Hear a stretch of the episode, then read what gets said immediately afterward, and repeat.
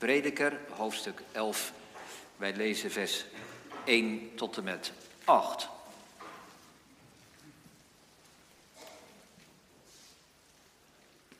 Soms geef ik aan het begin, voor ik de schriftlezingen ga doen, even een korte duiding van het Bijbelgedeelte. Dat zal ik nu niet doen, want ik wil dat straks alle ruimte in de preek zelf geven. Dus wij lezen het gedeelte, we laten het tot ons komen. En dan straks geef ik hopelijk wel de context. Prediker 11, vers 1 tot en met 8 lezen wij. Hier spreekt het woord van God. Werp uw brood uit over het water, want na vele dagen zult u het vinden. Verdeel het in zevenen of zelfs in achten. Want u weet niet welk kwaad er over de aarde komen zal. Als de wolken vol zijn geworden, gieten zij regen uit op de aarde. Of een boom naar het zuiden valt of naar het noorden, op de plaats waar de boom valt, daar blijft hij liggen. Wie op de wind blijft letten, zal niet zaaien. Wie naar de wolken blijft kijken, zal niet oogsten. Evenmin als u weet wat de richting van de wind is of hoe het gaat met de beenderen in de buik van een zwangere vrouw, evenmin kent u het werk van God die alles maakt. Zaai uw zaad in de morgen en trek uw hand in de avond niet terug. Weet immers niet of dit zal slagen of dat, of dat het allebei goed zal zijn. Het licht is aangenaam en het doet de ogen goed de zon te zien. Ja, indien de mens vele jaren leeft, laat hij zich dan al die tijd verblijden. Maar laat hij ook denken aan de dagen van duisternis, want die zullen er veel zijn. Al wat nog komt, is een zucht. Tot zover. De tekst voor de preek vinden wij in de tweede helft van vers 3. Prediker 11, vers 3b. Of een boom naar het zuiden valt of naar het noorden, op de plaats waar de boom valt, daar blijft hij liggen. De boom is gevallen, dat is het thema boven de preek. De boom is gevallen, drie gedachten die ik ontleen aan de bredere kaders van het hele Bijbelboek. Leven onder de zon is de eerste gedachte. Leven onder de zon. Ten tweede, God boven de zon. En ten derde, genade onder de zon.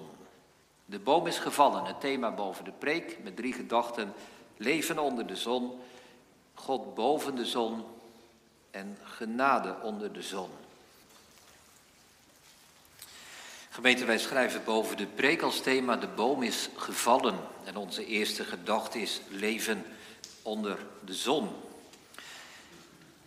Als wij het Bijbelboek lezen, het Bijbelboek Prediker, komen wij vaak beeldspraak tegen. En in veel gevallen is de beeldspraak zo krachtig, zo indringend, zo trefzeker, dat je het als het ware voor je ziet. Dat geldt ook voor het beeld dat in deze tekst wordt gebruikt. Het beeld van een boom. Stel je voor, kinderen, een grote, machtige boom, misschien al wel honderd jaar oud. En dan opeens, er komt de storm, het onweert, de bliksem slaat in de boom en die machtige grote boom stort krakend neer. Hij valt, hij ligt, het is voorbij.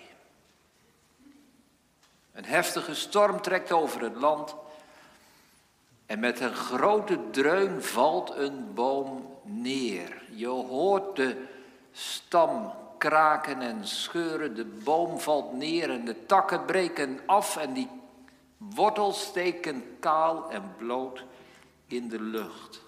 Nou kinderen, stel je voor hè, dat je zo'n boom ziet. En je denkt, nou is toch ook jammer. Het was een mooie boom, laat hem weer rechtop zetten. Dat lukt niet. Dat is onmogelijk. Je kunt die boom als die eenmaal gevallen is niet weer overeind zetten. Of wanneer de boom die kant op gevallen is, naar het noorden, zal niemand eraan denken, kom op, we gaan hem verslepen zodat hij naar het zuiden ligt. Gaat ook niet. Als de boom eenmaal ligt, dan ligt hij naar het noorden of naar het zuiden, Op de plaats waar de boom valt, zegt de tekst, daar blijft hij liggen. We zien daarin de willekeur, de onvoorspelbaarheid, toeval, misschien wel noodlot. We kunnen het niet veranderen. Nou, wat is nu de betekenis van deze beeldspraak? We kunnen natuurlijk het beeld helder hebben en als het ware voor ogen zien, maar wat wil de prediker nu met dit beeld tegen ons zeggen? Maar voordat ik dat ga toelichten en uitleggen, gemeente, moet ik eerst wat meer zeggen over het hele Bijbelboek. Want deze tekst, dit voorbeeld, staat niet in, in, in Genesis, het boek van Mozes, het staat niet in een van de brieven van Paulus.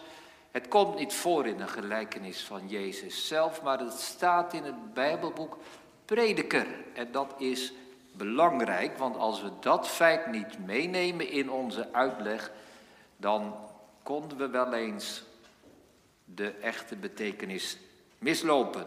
Of misschien zelfs echt een verkeerde uitleg aan deze tekst, aan deze beeldspraak geven.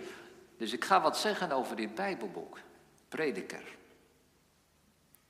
Misschien is het Salomo geweest, weten we niet helemaal zeker.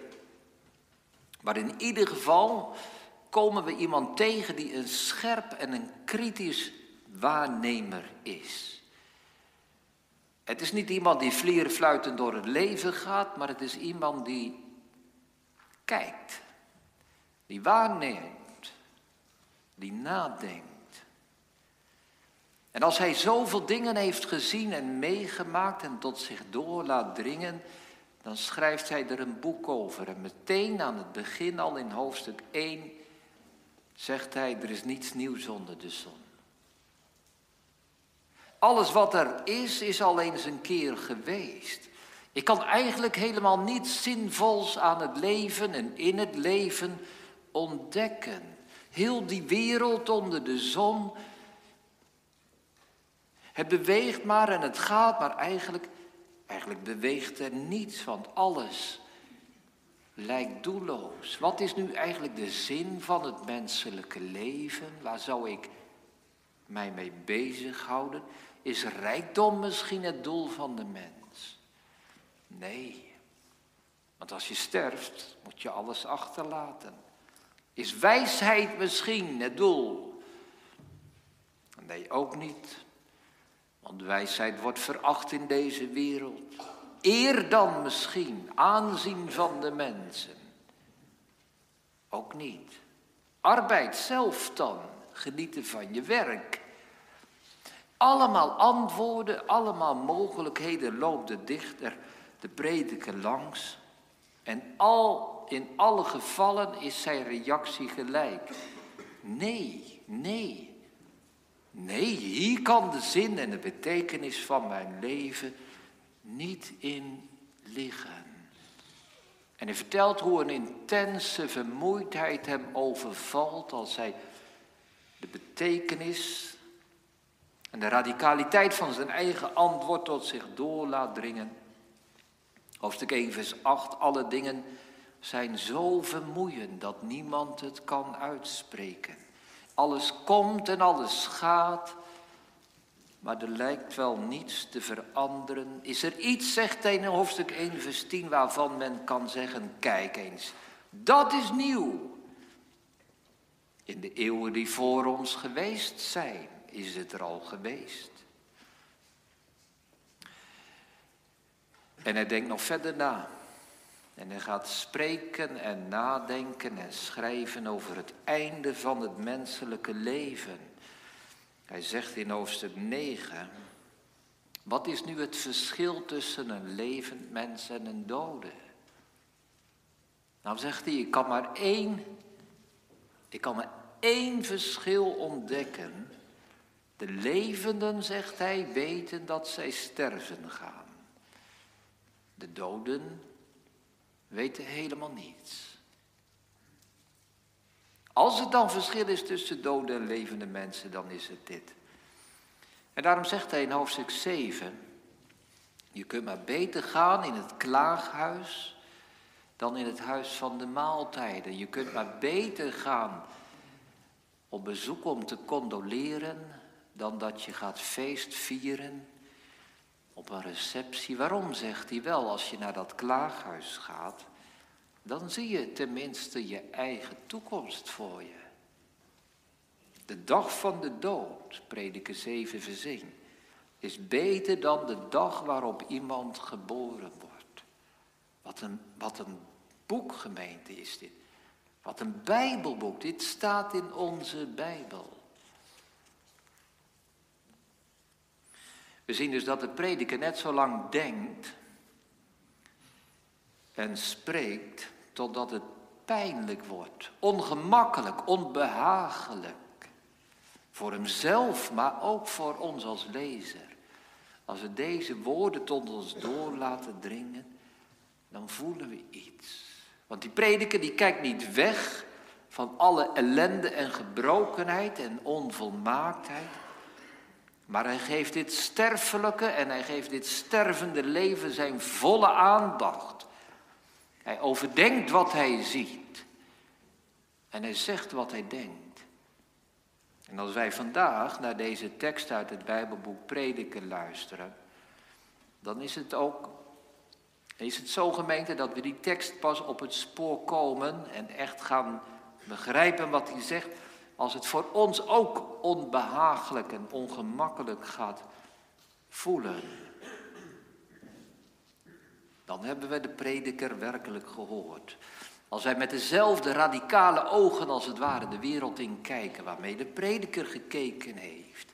Nou, zo even een uitstap naar de grote lijn van dit Bijbelboek en nu kunnen wij terug naar onze tekst. Deze tekst gaan wij lezen in die grote lijn van het boek. Hij zegt hier ook iets wat indringend en radicaal is. Vaak, vaak wordt dit vers betrokken op de dood. Het einde van een mensenleven, dan valt de boom naar het zuiden of naar het noorden. Als die naar het zuiden valt, wordt er dan gezegd, is dat een is dat een aanduiding dat je behouden bent, de goede kant op zeg maar, het zuiden. Als hij naar het noorden valt, de kant van de kou op, dat is dan een beeld van de verlorenheid. Dan, dan ben je voor eeuwig verloren. Nou gemeente, dat zegt die tekst niet. Dat zegt de Bijbel wel, Ergens anders, Hebreeën 9, het is de mens gezet eenmaal te sterven en dan het oordeel. Maar dat is niet de betekenis van de prediker hier. Want, ik kan dat toelichten, want de prediker is eigenlijk bijna positief over het leven zijnde. Hij vindt, zou ik bijna zeggen, hij vindt sterven makkelijker dan leven. Dus hij kan niet hier als het ware een, een ernstig en een angstaanjagend beeld van ons levenseinde schetsen, want dat past helemaal niet in het Bijbelboek Prediker. En daarom denk ik dat hij met deze tekst niet zozeer het allerlaatste moment van ons leven wil aangeven, het ogenblik dat wij sterven, maar hij wil gebeurtenissen midden in het leven aanduiden. Er kunnen dingen gebeuren in ons bestaan die als die boom zijn die neerklapt en neervalt en niemand krijgt hem van zijn plek. Daar gaat deze tekst over. Er kunnen gebeurtenissen zijn die even onverwacht, maar ook even radicaal en beslissend zijn als die woudreus die plotseling omvalt. En die uitleg wordt mede versterkt door de versen eromheen. Dus laat ik daar ook wat over zeggen. Het begint ermee, werp uw brood uit over het water. Na vele dagen zult u het vinden. Wat betekent dat vers? Het brood. Nou, kinderen, je moet niet denken hè, dat je, laat ik zeggen, zoals je broodkostjes voor de ene voert, dat je zo wat brood op het water gooit. Dat, dat is niet de bedoeling. Het brood is waarschijnlijk een, een aanduiding voor het graan. Want brood wordt van graan gemaakt, hè, zoals jullie weten. Dus een schip vol met graan wordt de zee opgestuurd. En als we dan ons realiseren dat de Joden helemaal geen zeevaarders waren, ze hielden niet van de zee, dan kun je voorstellen dat dit een beeld is van een groot risico. Dat kost enorm veel geld, zo'n schip met allemaal graan erin. Maar de kans dat het zinkt is aanwezig en dan ben je alles kwijt. Dus er staat hier, je, je neemt een groot risico en je weet niet wat het opbrengt. Als het goed gaat en je verkoopt het, dan vind je dat weer terug, zegt de tekst, na vele dagen. Dan heb je enorme winst gemaakt. Maar het kan ook helemaal fout aflopen en dan ben je straatarm geworden. Dus wij kunnen dit niet beheersen, zegt vers 1. Vers 2. Oh nee, laat ik dit erbij zeggen. Ik sloeg al met het voorlezen dat woordje want over in vers 1, want dat staat in het Hebreeuws en niet. Werp uw brood uit over het water, u zult het vinden na vele dagen. Je weet het niet hoe het afloopt. Vers 2 zegt datzelfde. Verdeel het in zeven of zelfs in achten. Stel je voor dat iemand veel geld heeft en die zegt: Ik zet niet alles op hetzelfde doel, maar ik verdeel mijn geld, ik investeer in zeven, acht verschillende doelen. Risicospreiding. Maar u weet niet welk kwaad er over de aarde komen zal. Dan nog kan het fout aflopen. Wij beheersen het leven niet. Vers 3 zegt, als de wolken vol zijn geworden, gieten zij regenuilen op de aarde. Wij beheersen dat ook niet. Een regenbui ergens in de bergen. Jammer van de regen, was het maar op de akker gevallen, maar we hebben er geen grip op. En dan komt onze tekst. Of een boom naar het zuiden valt of naar het noorden. Op de plaats waar de boom valt, dan blijft zij liggen. Ook iets wat buiten onze macht valt. Wie op de wind blijft letten, zal niet zaaien. Wie naar de wolken blijft kijken, zal niet oogsten. Wij kunnen die risico's in het leven niet ontlopen en vermijden. En het vers daarna zegt, evenmin als u weet wat de richting van de wind is of hoe het gaat met de beenderen in de buik van een zwangere vrouw, evenmin kent u het werk van God die alles maakt. Wat God ermee voor heeft in zijn voorzienigheid is voor ons niet te peilen. En daarom de opdracht, saai uw zaad in de morgen, trek uw hand in de avond niet terug. Doe wat je kunt, saai morgens, saai s'avonds. Je weet niet wat er succes heeft, het een of het ander of allebei. Dus heel de lijn van dit hoofdstuk zegt, wij doen maar wat. Ja, wij doen genoeg, maar wij hebben geen invloed op hoe ons leven werkelijk verloopt. Dus in dat licht gemeente past de tekst over de boom heel goed. Iets kan gunstig uitpakken in ons leven. Dan valt de boom naar het zuiden, zeg maar.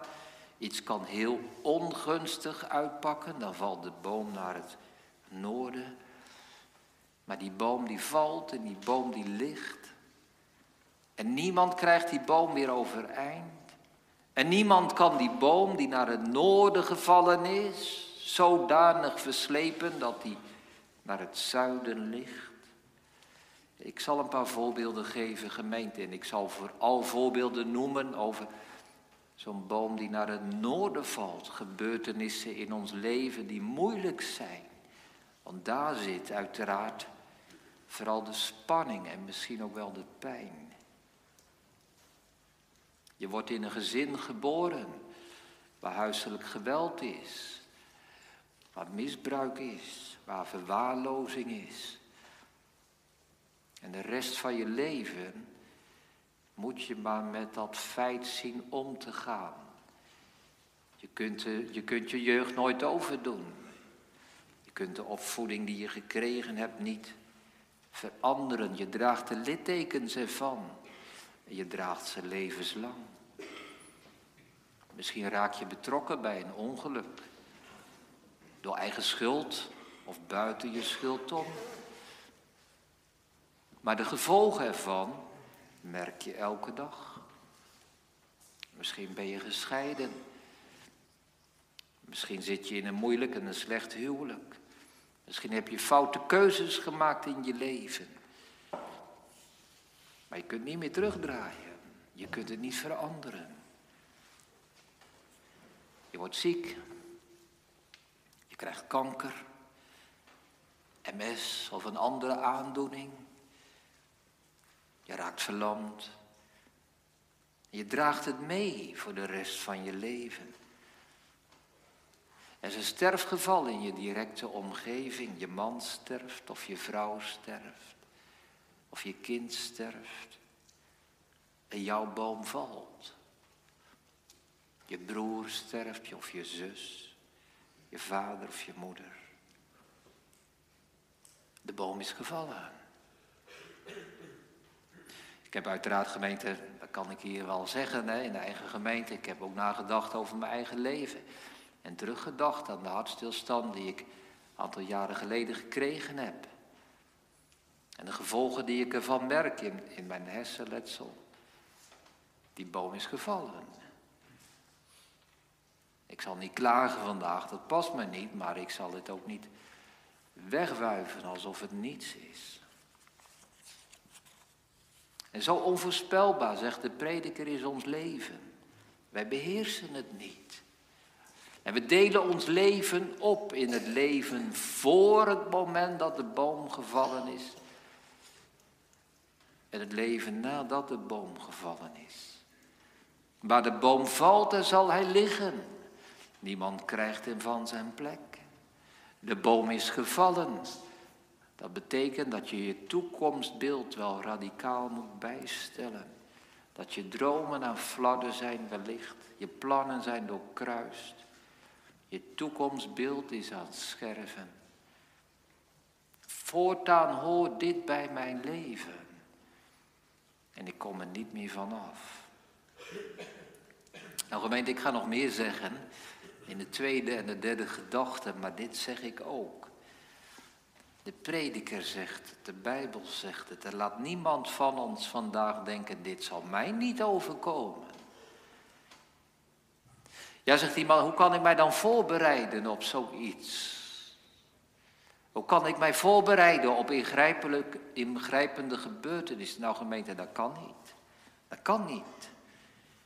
Want of je ziekte krijgt of een ongeluk, of dat er iemand sterft of dat er iets anders is. Het kan zo verschillend zijn, het is zo divers. Wij kunnen ons er niet op voorbereiden. Dus ik zeg dit erbij, omdat de preek ook niet bedoeld is hè, om nou eens te zeggen, nou, hè, morgen kan je leven er wel totaal anders uitzien. En uh, het is niet om te somberen. Helemaal niet. We mogen ons leven leiden, maar wees niet verrast. Wees niet verbaasd als ook ons leven getroffen wordt. Wees ook niet boos op God. Wees niet kwaad op God. Als hij dingen in je leven laat gebeuren die jij niet beheerst. Ook niet als de boom naar het noorden valt. Waarom niet, gemeente? Zo komen we bij onze tweede gedachte. God boven de zon. Waarom niet? Ik ga weer terug naar die hoofdlijn van het hele Bijbelboek. Hè. En hoofdstuk 1 zegt het, er is niets nieuws onder de zon. Maar dat hele Bijbelboek Prediker moeten wij voortdurend lezen in het besef dat er uiteindelijk iemand boven de zon is. En dat is God. Wij hebben een Vader in de hemel, wij hebben een almachtige God. Dit is de wereld van God. Wij zien hem niet, hij hoort niet bij die werkelijkheid onder de zon. Hij is daarboven. Maar de prediker, het is maar soms hoor, het is maar af en toe, geeft wel aanwijzingen. Gelukkig is er meer dan alleen die wereld onder de zon.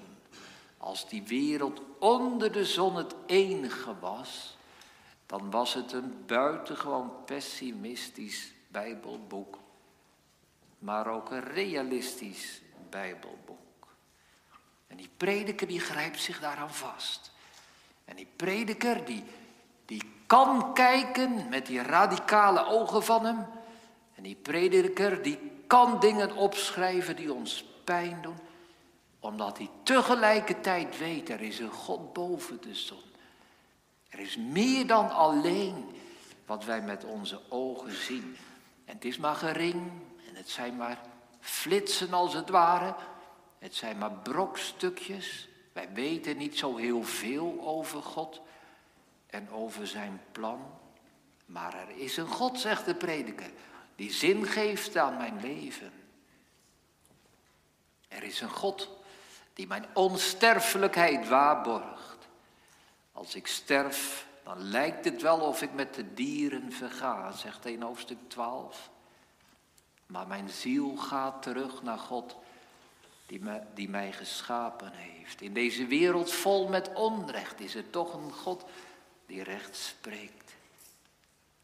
In deze wereld waar de dood soms beter lijkt dan het leven, is er een God waardoor wij kunnen zeggen, maar beter dan dit tijdelijke leven is uw goede tierenheid.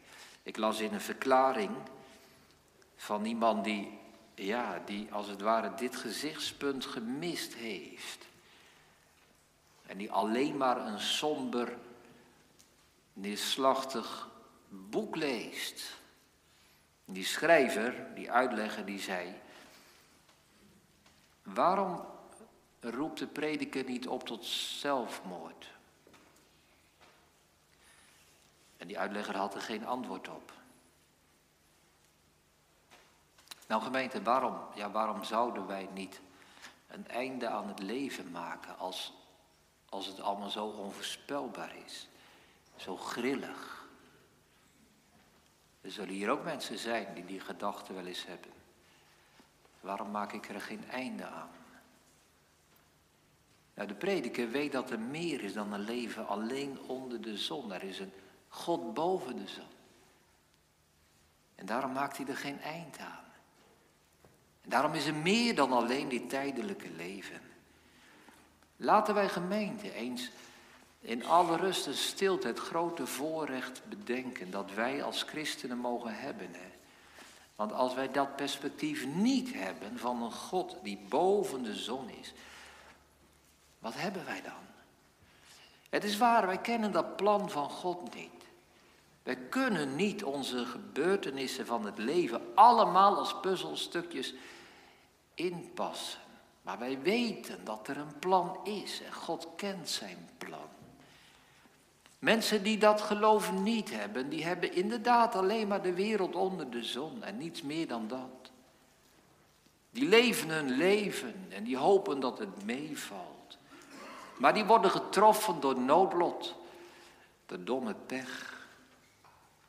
Het geluk kan regeren, maar het ongeluk ook.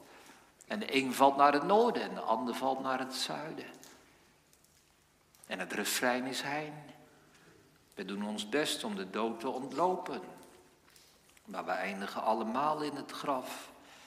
En als kanker jou treft, dan kun je hoogstens zeggen, wanneer je niet in God gelooft, dat is het leven oneerlijk. Waarom krijg ik dit? Ja, dan krijgen wij een wereld waar mensen wegkijken. Omdat echt toekijken en de ander aankijken zo pijnlijk wordt. Dan krijgen wij een wereld waar je zoekt naar geluk, maar waar ongeluk jou treft. Dan moet je wel bitter zijn en teleurgesteld als je terugblijkt, blijkt, blikt. En dan denk je, waarom heb ik dit meegemaakt en waarom ben ik zo beschadigd? Dat is leven zonder God. Waar de toekomst altijd zo'n donkere bui is die voor je hangt en op een gegeven moment zal het losbarsten. Het kan lang duren, maar die boom gaat vallen. Wat zijn wij gezegend dat wij als christenen de Bijbel mogen lezen en ook een boek als prediker mogen lezen en beseffen dat er een God is boven de zon.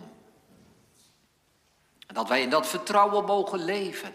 Wij zien het niet, maar wij geloven in een wereld die ver uitstijgt boven alles wat wij kunnen waarnemen. En als er dan mensen hier zijn die niet geloven. Ik vind het, ik bedoel het niet, ik bedoel het niet om het weg te zetten, hè, maar ik vind het eigenlijk onbegrijpelijk. Dat je kiest voor een leven zonder God. Ik vind het onbegrijpelijk om een leven te leiden waar je niet meer hebt dan toeval en grilligheid. Het is de grootste fout die je kunt maken. Om te kiezen voor een leven zonder God. Want het leven onder de zon belooft uiteindelijk niets dan alleen maar grilligheid en toeval en noodlot. De boom valt en waar die valt, daar ligt hij en meer is er niet over te zeggen. Nou gemeente, als we dit zien, hè, dan, ik kom daar nog even weer op terug dan begrijpen we ook waarom die tekst niet gaat over het levenseinde, zoals die wel vaak wordt aangehaald. Als we sterven, dan valt je boom naar het noorden of naar het zuiden. Als dat waar zou zijn, dan staat hier eigenlijk, ja, sterven is, is geluk of ongeluk. Je weet het nooit. Je kunt natuurlijk wel leven als een christen en je kunt wel denken dat je gelovig bent, maar er moet er maar op aankomen. En als je sterft, dan moeten maar eens kijken hoe het met jou afloopt. Je denkt wel dat je naar het zuiden valt, maar misschien klapt jouw boom wel naar het noorden. Je denkt wel dat je straks in de hemel komt, maar misschien val je zo wel in de hel. Nou gemeente, dat is niet wat de Bijbel zegt. Dat is niet wat die tekst kan betekenen.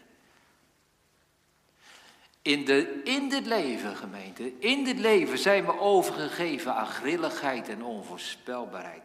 Maar één ding weten we wel zeker: dat het einde van een christen goed is. In dit leven, wanneer wij sterven, weten wij niet. Maar een gelovige die sterft, heeft de grootste zekerheid die denkbaar is. Dat is niet een boom die neervalt het is maar afwachten hoe die valt, krakend en scheurend en brekend. De Bijbel gebruikt niet het beeld van een boom die splijt en neervalt, maar de Bijbel zegt, zoals bij Lazarus, dat wij gedragen worden door de engelen in de schoot van Abraham. Dat is toch wel andere taal. En de Bijbel zegt ook, laat ik dat niet verzwijgen. Wat het einde is van mensen die niet geloven. De laatste dag van een atheïst is ook de laatste dag van zijn ongeloof. Als hij zijn ogen opdoet in de eeuwigheid, is hij in die ene seconde verlost van al zijn ongeloof en gelooft hij dat God bestaat.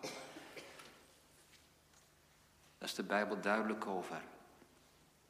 Gemeente, dat mag onze toekomst zijn na dit leven vol onzekerheid en vol grilligheid. Elke stap in het leven is onzeker, maar de stap uit het leven is een stap van zekerheid. Dan zullen wij alle onzekerheid achter ons laten en zullen wij de heerlijkheid van God binnengaan. En zo komen we bij onze derde gedachte, geloof onder de zon. Je zou kunnen denken, je zou kunnen denken dat met deze twee gedachten de tekst voldoende is uitgelegd. Aan de ene kant de grilligheid en de gebrokenheid van het aardse leven. Maar ten tweede de zekerheid van een christen dat na dit leven de zaligheid en het geluk zal komen. Dus als ik dan die twee gedachten samenvat, gemeente, dan zeg ik dit zo. Ook wij, ook wij als gelovigen, als christenen ervaren gebrokenheid en wisselvalligheid. De bomen vallen naar het noorden of naar het zuiden. Maar een christen aanvaardt dat omdat hij zijn hoop stelt op het eeuwige leven. En dat is waar. Dat is waar. Gedachte 1 en gedachte 2 blijven staan. Maar ik ga er toch nog een derde gedachte aan toevoegen. En ik zal zoeken naar woorden. Ik zal moeten zoeken naar woorden, want het is niet altijd even eenvoudig om het te zeggen. Maar ik denk gemeente dat we nog een stap verder mogen gaan. Want, want de Bijbel zegt dat eeuwige leven begint nu al. Wie gelooft, heeft eeuwig leven. En de Heer Jezus die zegt, in de wereld zult u verdrukking hebben, maar heb goede moed, want ik heb deze wereld waar wij nu in leven overwonnen. Wat betekent dat voor het leven dat wij leiden? Wel gemeente dit, dat ons leven toch niet zo noodlottig is als het lijkt. Als ik het heel rigoureus zeg. Die tekst uit Prediker 11, vers 3b, geldt niet voor een gelovige. U zegt, nou, het moet niet uh, gekker worden als de dominee zegt dat de tekst niet waar is. Maar probeer mij de volgende gemeente. Dus net als hoofdstuk 1, hè, als wij die teksten lezen van Prediker 1, dus niets nieuws onder de zon. En alles wat er is, is er al eens geweest. Dan zeggen wij, dan moeten wij zeggen, ja, maar wij lezen die woorden zo. Dit zou waar zijn als er geen God in de hemel was. Als er geen God boven de zon is. Maar dankzij die God boven de zon weten wij, in Korinthe 15, dat onze arbeid niet ijdel is in de Here. En dan kan prediker honderd keer zeggen, ijdelheid er ijdelheden, het is al ijdelheid. Maar wij begrijpen hem want hij zegt, dit zou waar zijn als er geen God in de hemel was. En het zou waar zijn dat alles maar doorgaat en zich herhaalt. Behalve hierin dat Christus gekomen is. En de helsgeschiedenis heeft opengebroken. Zo lezen we dit vers ook, gemeente. Als er geen God in de hemel was, dan was er niet meer dan de tekst wisselvalligheid, grilligheid. Maar nu er een God is, mag iedere gelovige zeggen, ik ben niet aan deze wisselvalligheid overgeleverd. Concreet gemeente, God kan in ons leven dingen doen, ook als de boom gevallen is, die wij nooit voor mogelijk hadden gehouden. God kan, om het zomaar eens te zeggen, een nieuwe boom planten. Er komt iets nieuws. De verrassing van God, van zijn genade. En dat begint niet straks pas als wij de laatste adem uitblazen, maar dat begint al in dit leven. En dit is zo'n geweldige bemoediging. Dat niemand van ons hoeft te denken, ja, ik ben nu eenmaal het slachtoffer van geweld en beschadiging en van misbruik van verdriet en rouw en alles wat mij overkomen is. Dit is een belofte gemeente dat God nieuwe dingen doet. Nieuwe verrassingen. Er kunnen dingen in ons leven gaan gebeuren waarvan we denken, ik had het nooit verwacht. En toch, God doet het. En dat doet hij niet door ons terug te brengen, door als het ware ons de tijd over te laten doen. En dat doet God niet door gebeurtenissen weg te nemen, want wat gebeurd is, is gebeurd. Maar God zal ons laten zien dat Hij niet gevangen zit in dat noodlot en dat toeval onder de zon. Nou, dat is leven door het geloof. En dat mogen wij tegen elkaar zeggen. Wij zijn, als wij geloven in deze God, wij zijn geen mensen die gevangen zitten in het verleden. Maar wij mogen mensen zijn die openstaan voor de toekomst. En wij kunnen terugkijken en wij kunnen het verleden onder ogen zien. Maar wij weten dat God nieuwe dingen kan gaan doen. En de wereld van Gods genade is niet zo'n vermoeiende cirkelgang van alles wat maar doorgaat en wat al geweest is. Maar het is de helsweg naar een nieuwe hemel en naar een nieuwe aarde. En dat licht van Gods genade, van die toekomst, valt al op ons in het heden. Nou, let er maar eens op gemeente hoe vaak we dit perspectief zien. Meteen al aan het begin van de, van de Bijbel bij Eva. Zij is haar zoon Abel kwijtgeraakt. De boom is gevallen.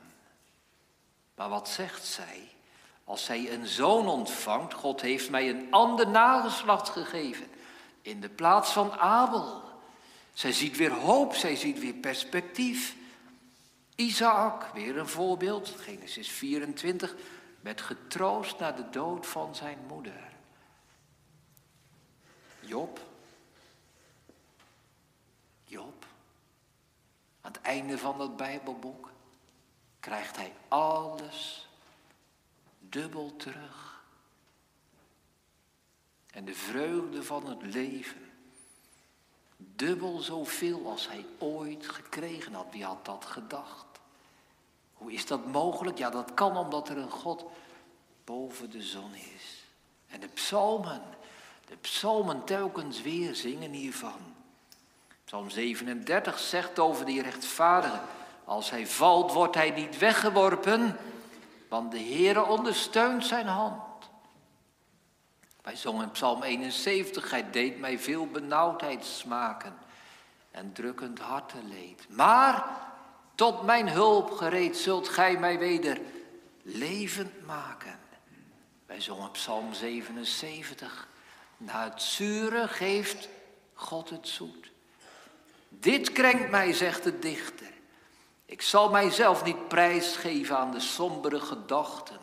Ik zal mijzelf niet overgeven aan het klagen. Zou God zijn genade vergeten, nooit meer van ontferming weten? Maar ik zei tegen mijzelf, dit krenkt mij. Dit laat ik niet gebeuren, God zal verandering geven.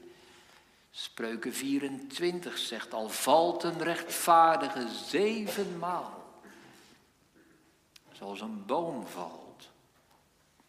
Hij staat weer op. Dit is de lijn van de Bijbel, gemeente. Dit is de lijn van de Bijbel. En dit houden wij voor ogen door te geloven, niet door te zien. Want onze ogen komen niet verder dan alles wat onder de zon is.